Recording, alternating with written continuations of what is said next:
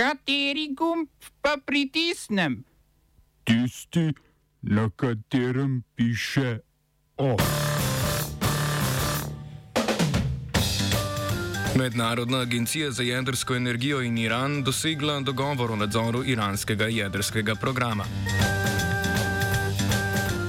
Parlamentarne volitve. Norvežani včeraj in danes, Bolgariji novembra tretjič v tem letu. Protesta v Beogradu in Sarajevu. PCT Slovenija povsod. V kreativni inšpekciji pa o oblikovalskih trendih za novo apokalipso. Mednarodna agencija za jedrsko energijo, krajše IAEA in Iran sta z dogovorom rešila več mesecev trajajoče trenja glede nadzora iranskega jedrskega programa. V skladu s prejetim sporazumom bo imela IAEA spet dovoljenje za dostop ter servisiranje nadzorne opreme in zamenjavo podatkovnih kartic pod snetki nadzora, ki jih bo mednarodna agencija v Iranu hranila in nadzorovala skupaj z domačo jedrsko agencijo AEOI. Obe strani sta se ob tem zavezali k rednim stikom in sodelovanju. Generalni direktor IAEA Rafael Grossi pa naj bi kmalo tudi obiskal Teheran. Odnosi med mednarodno agencijo in iranskimi oblastmi so se ohladili, potem ko je Iran omejil nadzor IAEA v več jedrskih obratih in zavrnil njeno zahtevo, da bi dogajanje v reaktorjih spremljala prek nadzornih kamer.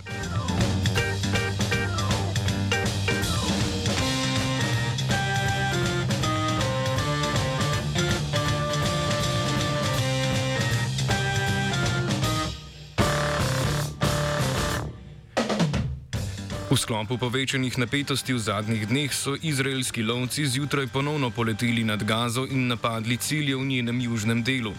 Izraelska vojska trdi, da so pri napadih na Hamasove položaje v Rafi, Kan Junisu in Beit Lahi ciljali vojašnice, tovarno orožja in vhod v podzemni tunel. Nove zračne napade izraelska vojska upravičuje z raketami, ki naj bi jih Hamas že več dni pošiljal nad Izrael in jih je prestregel izraelski protiraketni ščit. Ob novem stopnjevanju nasilja je izraelski zunani minister in v skladu s koalicijsko pogodbo prihodni premijer Jair Lapid napovedal infrastrukturna vlaganja in izboljšanje razmer v Gazi. S prelaganjem odgovornosti za katastrofalne humanitarne razmere v Gazi na Hamas, ki naj bi izkoriščal položaj palestincev v zaprtem območju, Lapid v zameno za Hamasovo privolitev na dolgoročno premirje obljublja popravilo električnega sistema in plinske priključitve, izboljšavo zdravstvenega sistema ter gradnjo prometne in stanovanske infrastrukture.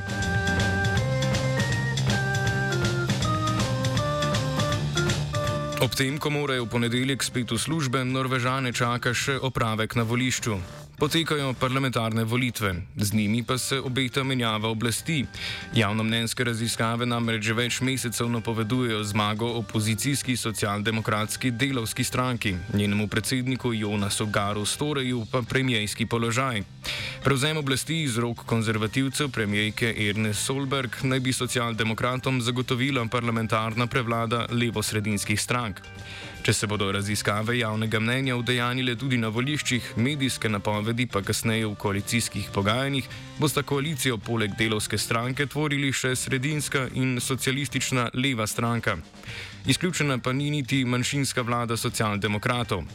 Predvolilna kampanja se je na norveškem vrtela okrog podnebnih sprememb in prihodnje gospodarske strategije vodilne zahodnoevropske proizvajalke nafte in plina. Medtem ko vladajoča konzervativna stranka zagovarja naftno industrijo, pa v opoziciji spremembe in opustitev črpanja nafte odločno zagovarjajo zgolj v levi stranki in stranki zelenih, ki ima je zaradi tega precej zrasla javna podpora. Če bo Erna Solberg na dvodnevnih volitvah poražena, se bo z mesta predsednice vlade poslovila po osmih letih.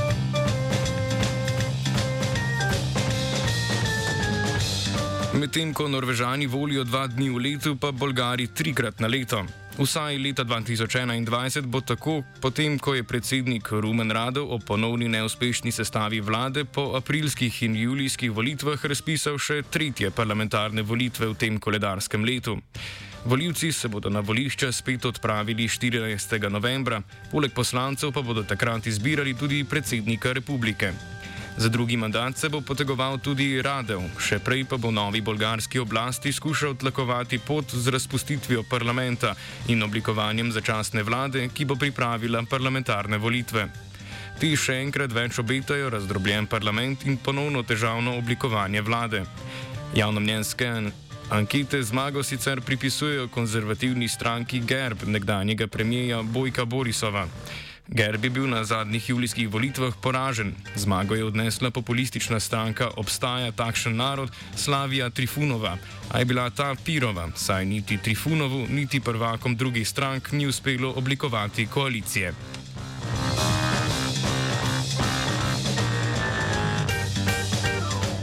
Središče Beograda so včeraj do dobra napolnili protestniki, ki nasprotujejo odprtju rudnika Jadrita v bližini Loznice na severozahodu Srbije.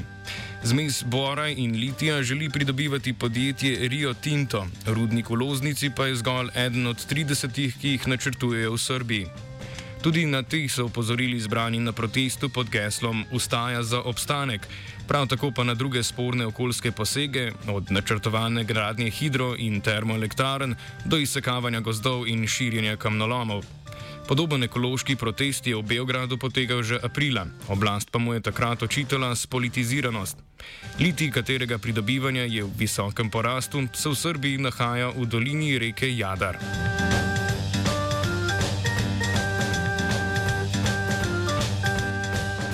Več tisoč ljudi je zasedlo tudi ulice prestolnice Bosne in Hercegovine, kjer so opozorili na dolgo nerazjasnjene okoliščine smrti dveh mlajših moških.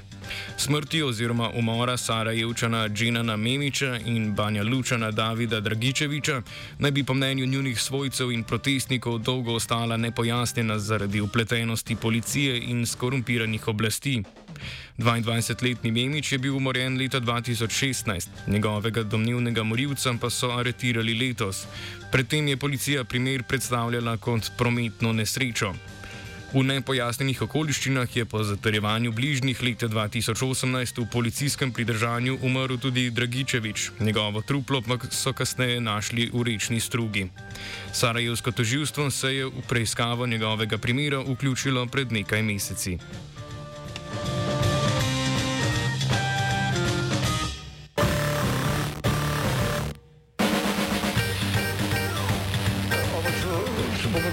Slovenija uh, Slovenia will try to help. Uh, we can. Slovenia will. Uh, and we will do our utmost to say that the situation is our problem ourselves. And uh, we will uh, make further steps as soon as the conditions are. Bomo vlado Marjana Cererja Šarca podprli. Very, very serious. We know how and we will.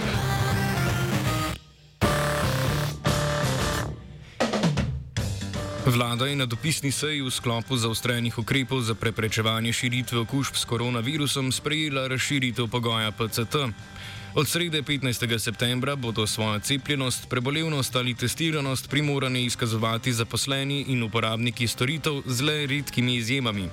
Zaposlenim mora teste, mednje sodi tudi test HAG za samo testiranje, zagotoviti delodajalec, medtem ko bodo morali uporabniki storitev testiranje plačati sami.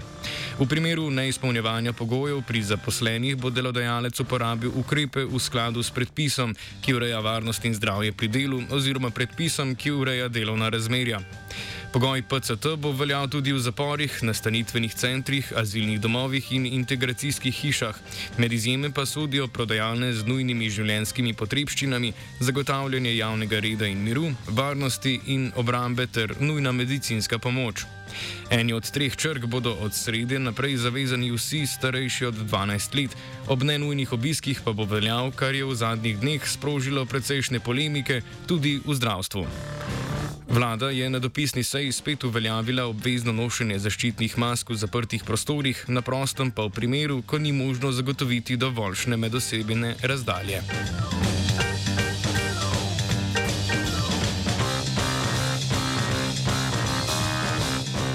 OF je pripravil Mrcen.